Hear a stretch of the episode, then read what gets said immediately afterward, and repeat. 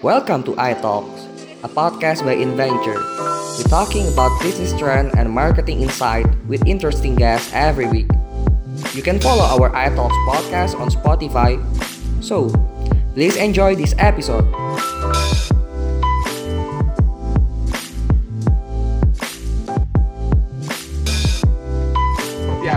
pembahasan pada pagi hari ini kita akan membahas tentang the rise and fall of personal branding seperti biasa sudah ada Pak Yuswo Hadi pagi Pak Siwo Halo, Mas William.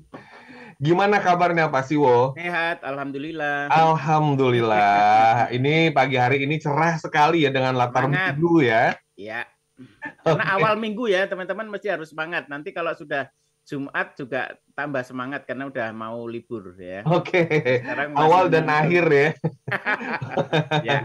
Baik, Mas Siwo, kita membahas tentang the rise and fall of personal branding ya. Ya. Tadi saya di awal sempat memberikan satu contoh kasus yang terjadi belakangan ini ya, cukup viral sekali. Saya ngomongnya agak hati-hati ya tadi ya, soalnya ini kasusnya cukup sensitif dan juga viral soal KDRT soalnya. Baik, Ya. Mas Siwo, it- kita membahas tentang tentunya ternyata personal branding itu gampang sekali atau rapuh sekali. Tapi sebelum kita masuk ke sana, mungkin ada pandangan terkait dengan kasus yang Ya. terjadi. Mas, silakan. Ya, jadi eh, William, jadi saya itu ya posting di IG hampir tiap hari isinya banyak mengenai pelajaran-pelajaran marketing, pelajaran-pelajaran branding gitu. Saya selalu kaitkan dengan apa yang lagi rame di masyarakat gitu ya. Karena apa? Karena konteksnya jadi masuk, jadi relevan gitu. Makanya ketika kalau saya ngomong personal branding nggak ada kasusnya gitu, mungkin orang ah jadi teori gitu kan. Tapi kalau ada kasusnya kayak sekarang ini Rizky Bilar, maka kemudian orang jadi connect gitu ya. Makanya ini kasus personal branding yang menarik teman-teman. Kadang-kadang artis kita atau selebritis kita atau influencer kita ya orang-orang yang punya apa namanya followers banyak, orang-orang yang punya fans banyak, kadang-kadang nggak nggak apa nggak aware terhadap bahwa mereka itu ketika sudah menjadi public figure, dia sudah punya fans, sudah punya pengikut, maka dia sesungguhnya adalah brand ya. Jadi brand itu bisa berlaku untuk corporate ya. Ada Mayora ada Kalbi ada Astra itu adalah brand.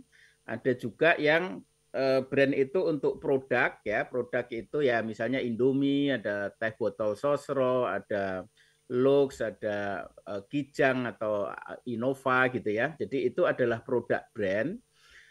Terus apa namanya orang pun juga begitu. Dia membangun yang namanya brand equity gitu ya. Nah, celakanya memang brand itu bisa terbangun dan kalau sudah dibangun memang harus dijaga William Ya. jadi mesti harus dijaga. Karena kalau enggak brand pun enggak luput dari dia kena serangan gitu ya. Bisa kena kena apa namanya sesuatu kejadian sehingga brand equity-nya itu jatuh gitu ya. Ini juga kebetulan kasusnya juga lagi eh, rame sekarang ini. Eh, di samping personal brand juga ada institutional brand ya. Contohnya adalah Polri ya. Ketika Polri itu eh, dilanda berbagai kasus ya mulai Ya. dari kasusnya Sambo yang hari ini sidang ya terus kemudian kasusnya kerusuhan di Kanjuruhan. ya sepak bola di Malang ya meninggal sekian banyak Kemudian yang terakhir ada Kapolda yang kena ini ya, kena eh, terlibat narkoba gitu ya, peredaran narkoba. Jadi ini kok berturut-turut gitu sehingga kemudian eh, apa brand image-nya Polri juga jadi jatuh gitu ya. Jadi makanya eh, teman-teman orang suka keliru bahwa branding itu pencitraan, enggak ya. Branding itu realitas artinya ketika mereka melakukan sesuatu yang jelek maka kemudian citranya itu eh, apa suatu yang bagus citranya bagus. Melakukan yang jelek citranya citranya jelek. Jadi bukan bukan branding itu bukan sesuatu yang lipstick itu enggak ya. Makanya ketika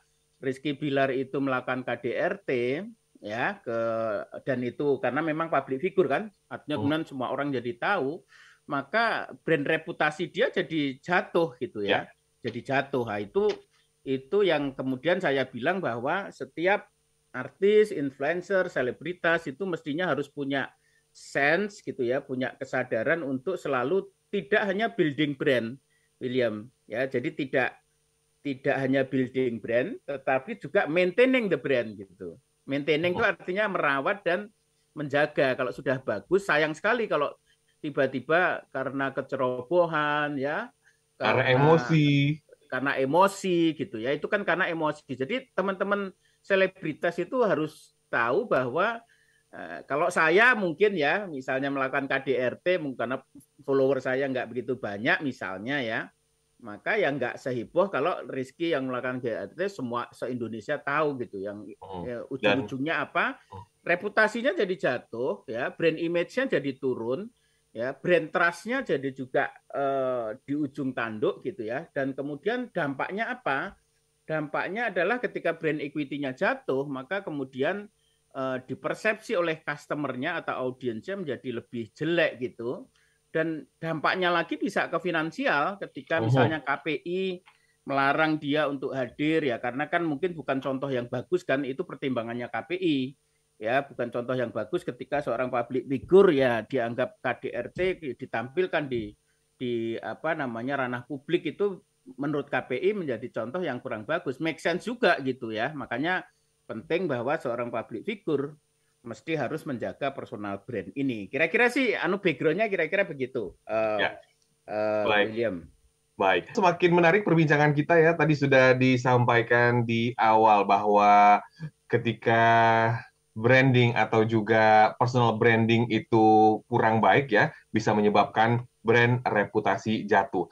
Bagaimana memaintainnya? Nah, ini penting sekali. Nanti kita akan membahas lebih mendalam ya. lagi. Baik, Pak Siwo, kalau kita hmm. berbicara mengenai personal branding ya, apakah personal branding ini itu hanya berlaku untuk selebritas? Mungkin kita lebih ke situ ya. dulu Pak. Apakah Menarik. ini juga berlaku atau malah nggak berlaku ya untuk seperti karyawan biasa gitu ya? Gimana nih Pak? Ya, jadi uh, ini berlaku untuk kita semua kalau kita itu sadar branding sebenarnya. Kan namanya kita sebagai se personal gitu kan pengennya maju kan. Nah, maju itu kan mestinya harus kita memasarkan sendiri uh, memasarkan diri. Cuman barangkali konteksnya akan beda-beda ya. Jadi teman-teman harus dalam personal branding yang pertama kali ditetapkan adalah siapa uh, customer kita atau siapa stakeholder kita. Misalnya kalau kita berkarir, maka uh, stakeholder kita atau customer utama kita kalau kita pengennya naik pangkat ya, berarti mesti harus bos kita kan berarti kan. Yeah. Nah, kemudian secondary uh, apa main target marketnya adalah bos kita. Kalau kita uh, karyawan ya, kemudian uh, secondary target marketnya adalah mungkin kolega kita gitu. Ya, terus kemudian uh, apa namanya berikutnya customer dari perusahaan kita misalnya. Ya, jadi intinya sebenarnya uh, personal branding ini tidak hanya dimilik dari selebritas atau influencer, tapi sejauh teman-teman melihat dirinya secara strategik sebagai sebuah brand, maka pada saat itulah kita berpikir untuk membangun brand equity kita. Ya, membangun brand equity kita. Brand equity kita itu apa? Yang pertama adalah awareness. Jadi kita harus diketahui oleh orang lain atau target customer kita. Ya, yeah. brand equity yang kedua adalah asosiasi. Kita ini mau di, apa dilihat sebagai apa gitu. Oh. Ya. Nah, misalnya contoh Rizky Bilar tadi itu ketika dia melakukan KDRT dan itu kemudian terlihat di publik, maka persepsi yang muncul asosiasi atau brand association yang muncul ya KDRT gitu. Jadi asosiasi itu bisa negatif atau positif tergantung apa yang kita lakukan gitu. Okay. Nah, itu akan membentuk asosiasi atau brand image gitu. Oh. Ya, terus kemudian yang ketiga namanya perceived quality ya, quality. Kita itu punya kualitas apa gitu. Ya, oh, oh. kita punya kompetensi apa itu mesti harus dikomunikasikan. Kalau kita nggak nggak kita komunikasikan, saya misalnya sudah 20 tahun melakukan personal branding fokus di marketing, Mas uh, William. Jadi saya nggak pernah ngomong pakar HR atau pakar finance atau apa menjadi selebritas gitu atau enggak. Jadi fokusnya adalah di marketing ya apa yang saya bisa marketing saya fokusin di situ. Jadi ya. istiqomah atau konsistensi itu penting ya. Yang ketiga, Baik. yang keempat adalah brand namanya brand loyalty. Kita harus membangun loyalitas dari customer kita ke kita dan terakhir adalah advokasi. Advokasi itu adalah bagaimana customer kita menjadi uh, pembela bagi kita gitu. Jadi oh. semua orang itu mesti harus berpikir secara strategik sebagai personal brand gitu. Tidak hanya ya. para para apa selebritas gitu. Hmm, baik, kalau begitu Pak Siwo ya, tadi kan sempat dibahas juga bahwa apa yang kita lakukan juga ternyata memiliki peran penting terhadap personal branding. Berarti kaitannya juga dengan karakter. Nah, sebelum masuk ke sana, apa bedanya nih secara detail ya personal brand dan juga corporate and product brand? Silakan. Ya. Jadi hmm. ini terlihat sekali di kasusnya Rizky Bilar ya. Jadi eh, kebanyakan personal brand itu memang ada manajernya, ada manajer artis, tapi manajer artis ini mikirnya banyak lebih nyari job gitu. Ya, tapi kerjaan semua ya yang dicari ya, endorsan kalau Nah, cari Instagram. endorsan dan gitu. Tapi nggak pernah melihat bagaimana si personal brand ini dibangun equity-nya. Tadi equity itu kan yang pertama dibangun awareness-nya hmm. gitu kan. Kalau awareness itu mesti harus apa followersnya makin banyak itu satu hal. Tetapi nggak cuman itu, dia harus dipersepsi oleh publik sebagai apa itu harus dibangun gitu.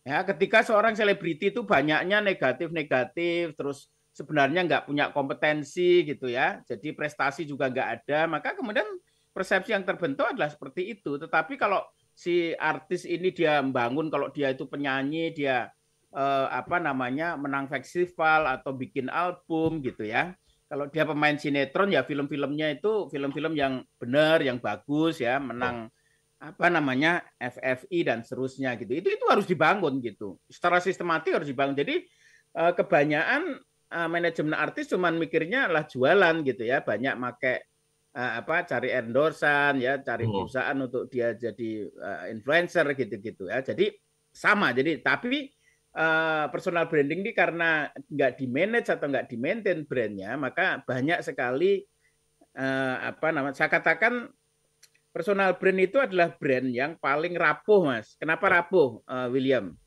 Karena pola tingkah, ya karakter dan apa namanya uh, sikap dari si orang ini kan namanya orang itu kan tempatnya salah ya enggak hmm, hmm. makanya kalau orang Jawa bilang tuh eling lanpas podo itu artinya apa? Kita menjaga tindak tanduk kita yeah. perbuatan kita agar di mata publik kita ini selalu positif gitu. Celakanya begitu jadi artis begitu menjadi selebritas biasanya itu lupa gitu. Nah lupa itu begitu dia katakanlah kena narkoba gitu misalnya. Uh hmm, -huh. nah itu langsung brandnya langsung mati sudah. Jadi yeah brand yang dibangun demikian sulit gitu ya itu habis gara-gara dia ter tersangkut narkoba. Atau misalnya cerai sama suaminya sama istrinya atau KDRT uh -huh. nah, itu kan perbuatan-perbuatan yang namanya kita ini tempat salah ya itu gampang terjadi kayak gitu. Itu dan itu terulang-ulang terjadi berulang-ulang terjadi. Kasus terakhir adalah Rizky Bilar gitu. Uh, ya berarti erat ya. kaitannya dengan karakter ya Mas ya Betul. Jadi makanya gini, eh, biasanya artis yang mereka karakternya kuat ya, dasar karakternya kuat, kecenderungannya tuh long lasting, kecenderungannya long begitu. Ya contohnya Iwan Fals misalnya ya. Iwan Fals itu zaman saya masih SD gitu, lagu-lagunya ya secara kompetensi lagu-lagunya luar biasa. Tapi secara perilaku juga Iwan Fals itu nggak aneh-aneh gitu loh, nggak ya. menimbulkan apa uh, viral yang viralnya itu nggak anu nggak ngasal gitu loh. Uh-huh, ya. nah terus misalnya Krise ya uh, Krise almarhum ya juga begitu. Orang melihat Krise itu quality yang muncul gitu. Dan Krise tidak banyak melakukan heboh-heboh di luar kompetensinya sebagai sebagai penyanyi gitu ya. Uh-huh. misalnya Agnes Mo misalnya sejauh ini ya karena Agnes Mo masih muda juga ya. Tetapi kan bagaimana dia sekarang apa menjadi penyanyi dunia gitu ya. Go internasional. Internasional dan kemudian eh, berita-berita yang muncul di terkait dengan Agnes Mo nggak pernah ada yang yang sifatnya negatif gitu ya. Oh. Jadi itu harus dijaga, harus dijaga. Nah, makanya biasanya karakter. Jadi sejak kecil biasanya nah biasanya artis yang karbitan ya, karbitan uh terus tiba mendadak mendadak uh, mendadak apa namanya populer gitu. Biasanya nggak siap mental gitu.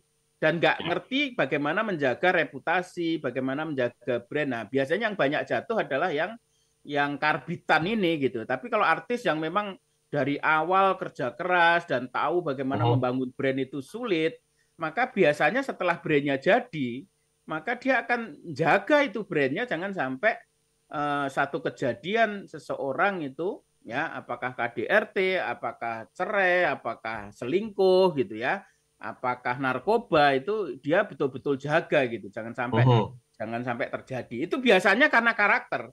Ya kalau sudah karakternya bagus ya karakter biasanya sejak kecil terbangunnya. Jadi background orang tua segala macam itu ketika dia menghadapi masalah, dia menghadapi ada uh, apa problem itu dia akan lebih arif, dia akan bisa lebih apa ya uh, uh, bijaksana dalam menghadapi setiap persoalan gitu. Jadi nggak nggak ya. nggak takabur, nggak kalut, nggak apa Uh, jadi lebih down to earth gitu ya lebih Baik. apa namanya arif lah gitu. Oh, silakan ya harus dicatat ya karakter sangat penting ini juga berlaku untuk anda kalau karakternya sudah baik pasti pekerjaan juga baik, rezeki juga baik. Istilahnya nah, seperti itu ya, Pak Siwo nah, ya, simpelnya ya Pak ya. Memang karakter itu nggak gampang, Mas. Jadi kadang-kadang ya. dari kecil kita background keluarga kita membentuk karakter kita Betul, gitu ya. Setuju. Jadi memang bangunnya lama.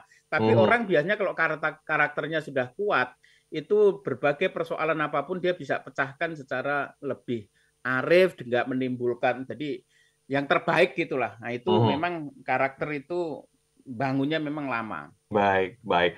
Pak Siwo, sebelum kita masuk bagaimana secara detail kita memaintain personal branding ini, mungkin ada pertanyaan juga nih di benak small listeners dan juga di benak saya. Tadi katanya beda ya Pak antara personal branding mm -mm. dengan pencitraan. Tapi kan kalau kita lihat nih di sosial media banyak banget orang dengan pencitraan yang sangat baik, ternyata realitanya berbeda. Nah ini bisa diklarifikasi nggak nih Pak? Silakan.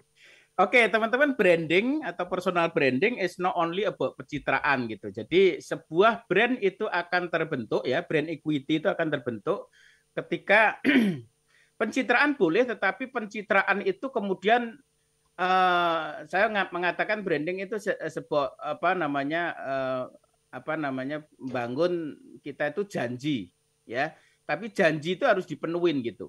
Mhm. Ketika janji itu tidak dipenuhi maka brand itu akan jatuh gitu. Ya, jadi uh, mungkin kalau dikatakan bahwa branding itu pencitraan memang benar, tetapi tidak sepenuhnya benar gitu ya. Jadi brand itu betul-betul terbentuk ketika apa yang kita janjikan itu betul-betul kita wujudkan gitu. Yeah. Makanya saya katakan positioning itu adalah janji.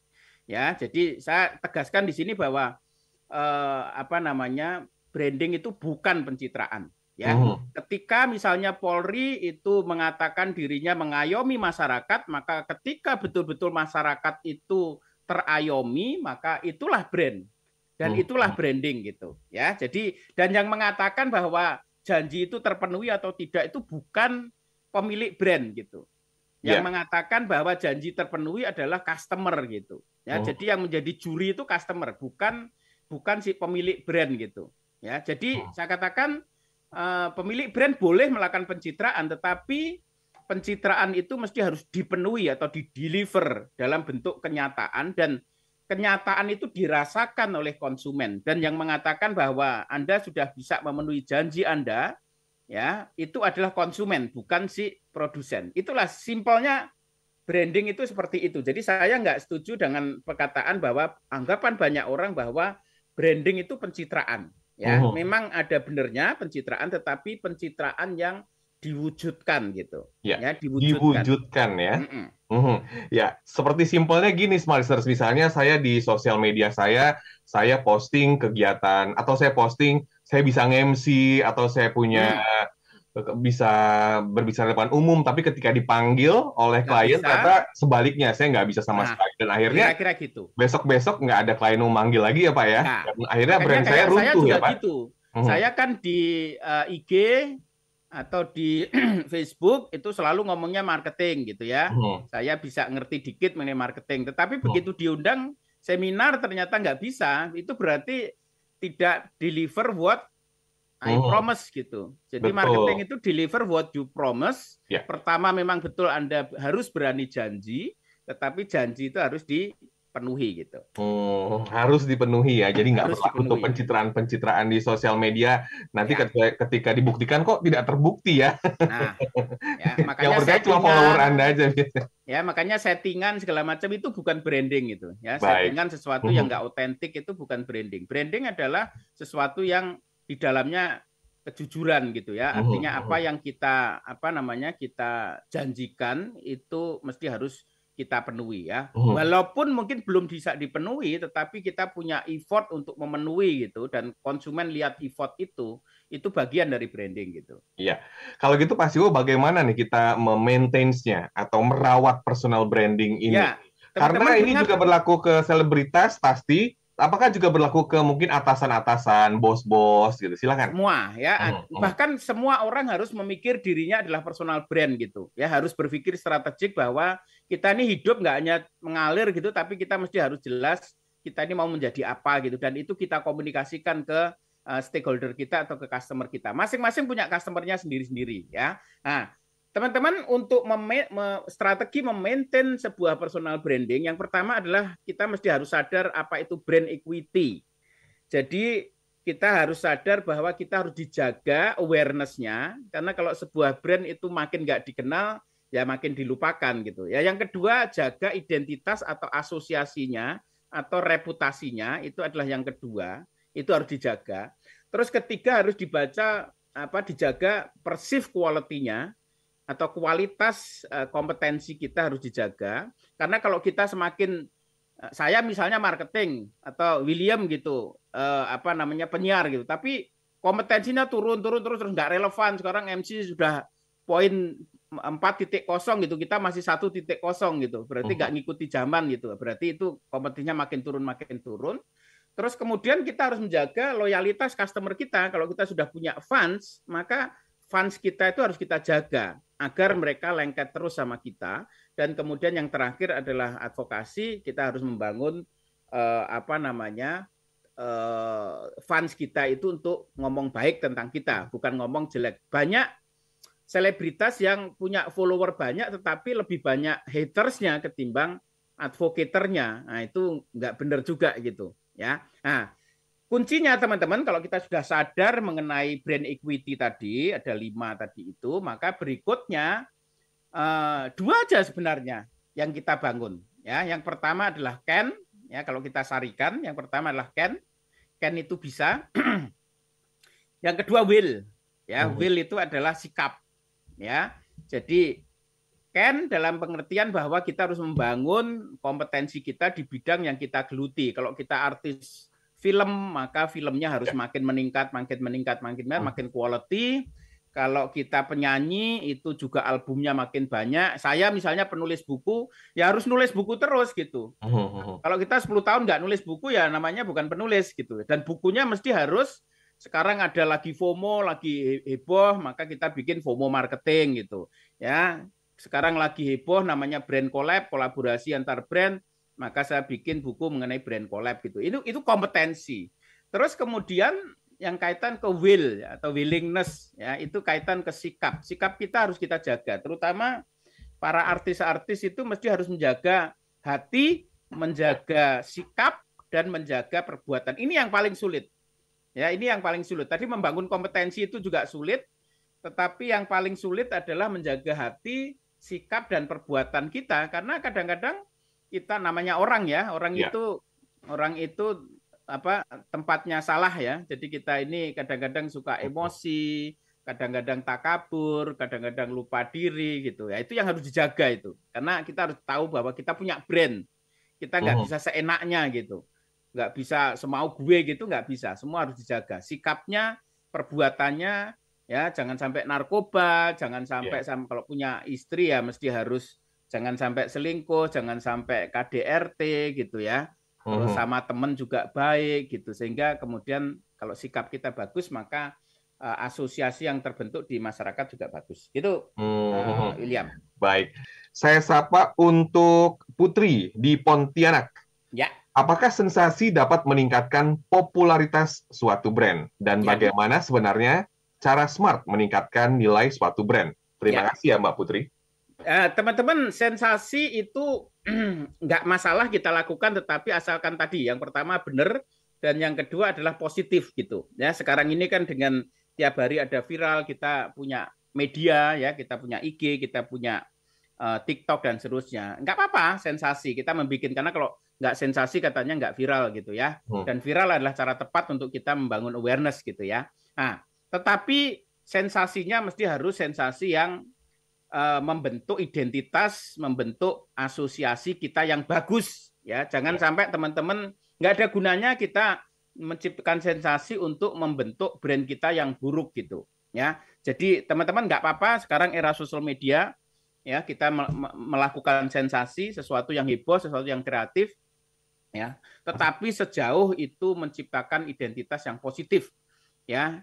Jangan sampai mengerosi atau membuat negatif uh, image kita. Nah, singkatnya gitu, William. Hmm, baik, saya sapa kembali Bapak Sony Gunawan. Saya ingin bertanya tentang peran uang dan network terhadap personal branding. Apakah ya. sangat erat berkaitan?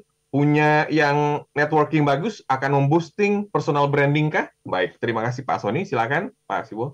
Apa tadi yang terakhir? Uh, network yang ya, bagus apakah ya? punya uang dan network yang bagus akan memboosting personal branding? Ya. Uh, uang teman-teman karena uang itu kan resources ya. Dengan uang kita bisa apa namanya uh, katakanlah kalau teman-teman itu influencer bisa bikin studio misalnya dengan peralatan yang canggih. Itu kan karena uang ya. Dan uh itu apa studio yang canggih yang bagus itu akan mempengaruhi uh, kualitas kita misalnya. Terus kalau uang pasti ya uang yeah. pasti. Tapi nggak segalanya nggak nggak uang itu segalanya. Yang kedua network. Teman-teman kadang-kadang uh, ini terutama malah kalau kita ngomong tadi yang pertama awareness yang kedua asosiasi ketiga quality keempat loyalty, terakhir advokasi. Biasanya network itu menjadi powerful untuk yang building loyalty dan advokasi. Uh-huh. Jadi sudah tingkat advance itu. Ya, sudah di level yang 4 sama 5 gitu. Itu untuk yang network. Nah, biasanya teman-teman di apa namanya? di sosial media nggak heboh gitu, tetapi dia bangun community of fans gitu ya atau community of customer itu melalui bangun loyaltinya melalui grup misalnya ya atau dia rutin melakukan aktivitas komunitas gitu. Nah, itu akan menciptakan network dan menciptakan brand yang kokoh. Teman-teman dari awareness sampai dari 1 2 3 4 sampai 5 tadi itu makin ke atas makin sulit dan makin bagus. Jadi kalau kita punya loyalty yang kuat, kita punya advokasi yang kuat ya dari para fans kita, itu yang paling sulit gitu. Makanya sekarang banyak para selebritas itu dia punya komunitas ya. Misalnya contohnya oh. si slang. Ya, slang itu Slanker. kekuatan slang sama sama Iwan Fals sih sebenarnya. Kekuatannya oh. adalah di loyalty customer dan di advokasi customer. Jadi dia atau kalau BTS itu punya army namanya, ya, ya itu itu kekuatan di network gitu, kekuatan di customer network atau di customer community.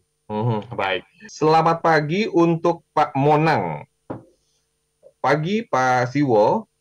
Kalau kita melihat ada salah satu vokalis dari grup band yang sekarang masih berkibar dan pernah tersangkut kasus pornografi. Tidak bisa ya. disebutkan namanya ya, ya, ya. Pak Monang ya. Dan hmm. ini bagaimana membersihkan image pribadi dan ya. bagaimana pendapatnya? Silakan. Ya, jadi teman-teman eh, ketika keja satu kejadian atau satu apa namanya nilai setitik, setitik itu menghancurkan semua susu sebelanga, ya itu ketika sudah terjadi, maka brand itu cacat Ya, ada yang cacat tuh cacat permanen.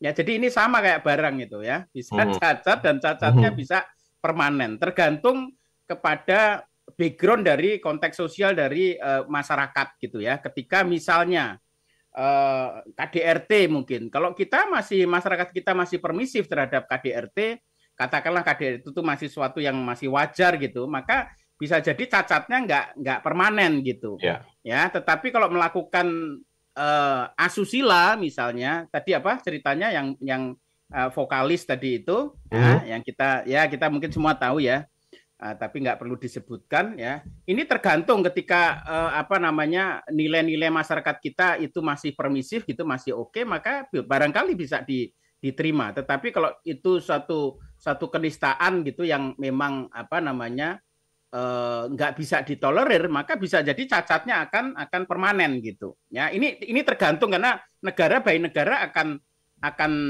apa namanya akan eh, beda-beda gitu ya. Dalam kasus vokalis itu yang melakukan asusila kalau di Amerika atau di Eropa biasa gitu ya. Tapi di sini karena kita itu negara yang uh, sangat apa namanya agamis gitu uh -huh. bisa jadi itu menjadi permanen gitu. Tapi ya kita ini beragam, ada yang agamis, ada juga yang enggak gitu ya. Dan uh, apa mungkin lebih apa lebih open gitu ya. Mungkin uh, apa namanya tingkat toleransinya juga mungkin lebih bisa. Jadi ini ini uh, apa namanya beda-beda. Uh, kasus oh. baik kasus. Narkoba ya. Narkoba dulu barangkali wah itu sudah permanen gitu ya. Tetapi yang terjadi belakangan mungkin karena kasusnya banyak gitu ya banyak oh. artis yang melakukan hampir tiap bulan ada kemudian menjadi menjadi kayak quote and quote kayak biasa gitu jadi Ya ini sama juga di barat saat artis yang kena narkoba gitu ya biasa gitu. Indonesia oh. ini dulu setahu saya ya mungkin 10 5 20 tahun yang lalu itu kayaknya udah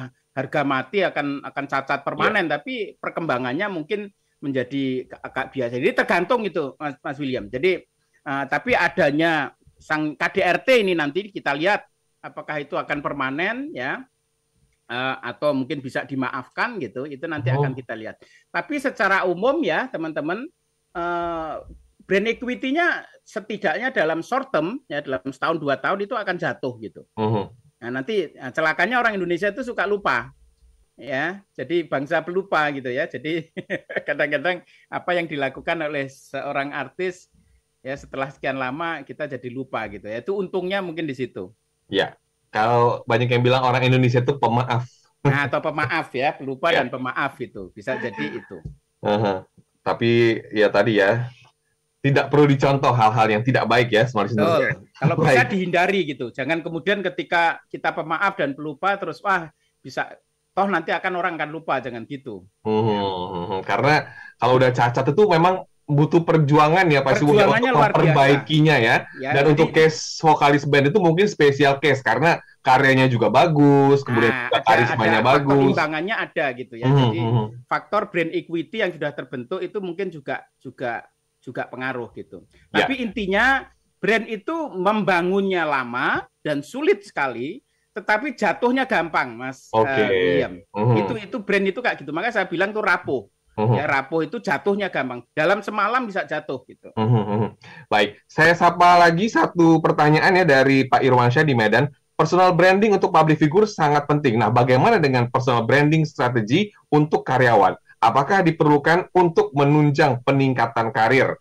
Baik, terima kasih ya Pak Irwan Syah di Medan. Sangat. Jadi teman-teman hmm. gunakanlah uh, sosial media karena kita punya media sekarang. Jadi setiap sekarang kan setiap orang bisa bikin stasiun TV, hmm. setiap orang bisa bikin stasiun radio, ya, setiap orang bisa bikin koran gitu. Maka gunakanlah uh, sosial media itu untuk membangun tadi ya dua sebenarnya Ken sama Will.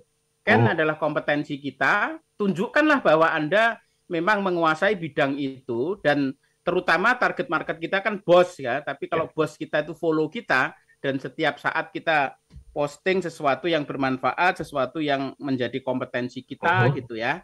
Uh, itu tunjukkanlah ya. Jadi tergantung bidangnya masing-masing. Kalau anda adalah apa musisi ya mesti Anda harus bangun image itu kalau Anda misalnya pakar atau uh, bergerak di customer service gitu misalnya nah, lihatlah uh, bangunlah kompetensi itu kalau Anda di bidang telco uh-huh. maka Anda mesti harus tunjukkan Anda punya kompetensi yang unggul di telco itu melalui komunikasi di sosial media. Oke. Okay. kemudian gitu. saya sapa yang di YouTube ada Sindeu, kemudian juga ada Pak Tovan. Terima kasih telah bergabung bersama kami. Pak Siwo, ini waktunya tinggal beberapa menit mm -hmm. lesson learn dari topik kita pada pagi ini. Ya. Silakan. Uh, teman-teman, uh, kebetulan posting saya terbaru, bukan terbaru sih, sebelum hmm. ini kan mengenai uh, ini kasus ini ya, mungkin bisa dibaca di Yusuf Hadi Ya. Uh, Yuswo Hadi uh, yang belakangnya pakai Y ya, jadi berawal dengan Y, Yuswo Hadi uh, berakhir dengan Y. Uh, saya banyak lesson learn di situ, tetapi intinya adalah teman-teman bahwa pelajaran pertama adalah bahwa uh, membangun brand itu tadi saya sudah katakan William, membangun brand itu butuh effort yang luar biasa dan Eh, kita sudah jago pun kadang-kadang nggak nggak terbentuk. Artinya faktor hoki itu penting. Makanya kayak. Rizky Bilar dan Lesti Kejora itu ada faktor hokinya besar ya ketika dia apa menang di lomba terus kemudian pacaran gitu terus kemudian jadi kayak pasangan ideal nah itu itu banyak faktor hokinya jadi kadang-kadang branding itu nggak bisa kita rancang sepenuhnya ada faktor-faktor luck Ya, bangunnya susah, banyak faktor hoki, waktunya lama, tapi kadang-kadang kayak Lesti Kejora sama Rizky Bilar itu juga cepat gitu ya. Uh-huh. Nah, kalau sudah gede itu jatuhnya gampang. Jadi membangunnya susah tapi hancurnya gampang gitu. Itu kayak saya bilang kayak gelas itu kalau pecah itu langsung berkeping-keping gitu. Uh-huh. Untuk natain lagi gelasnya membentuk gelas itu itu sulitnya minta ampun. Itulah yang terjadi sekarang dialami oleh Rizky Bilar sebenarnya secara personal branding.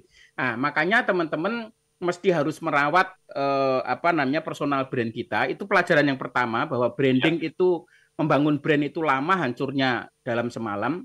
Yang kedua, teman-teman setelah kita membangun brand, ya kita sudah punya, walaupun mungkin nggak sebesar Rizky Bilar, maka pekerjaan uh, berikutnya adalah merawat brand.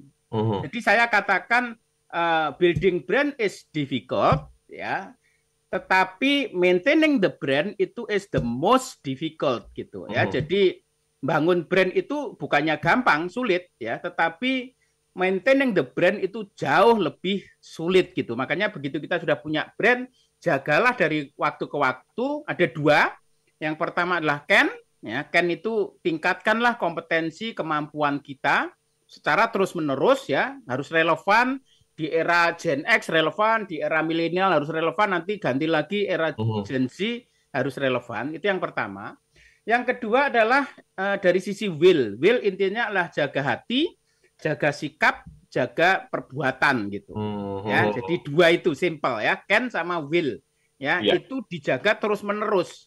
Ya, jadi nggak ada hentinya. Ketika kita capek, kita berhenti, maka yang terjadi adalah brand kita akan mandek gitu. Brand hmm. kita tidak grow gitu. Ya, makanya memaintain itu justru yang yang paling sulit. Gitu William. Hmm, ya, sebenarnya banyak sekali pembelajaran ya di pagi hari ini yang bisa Anda dapatkan terkait dengan personal branding. Akhirnya saya William Darmawan bersama dengan Bapak Yusuf Hadi mengucapkan terima kasih atas perhatian Anda.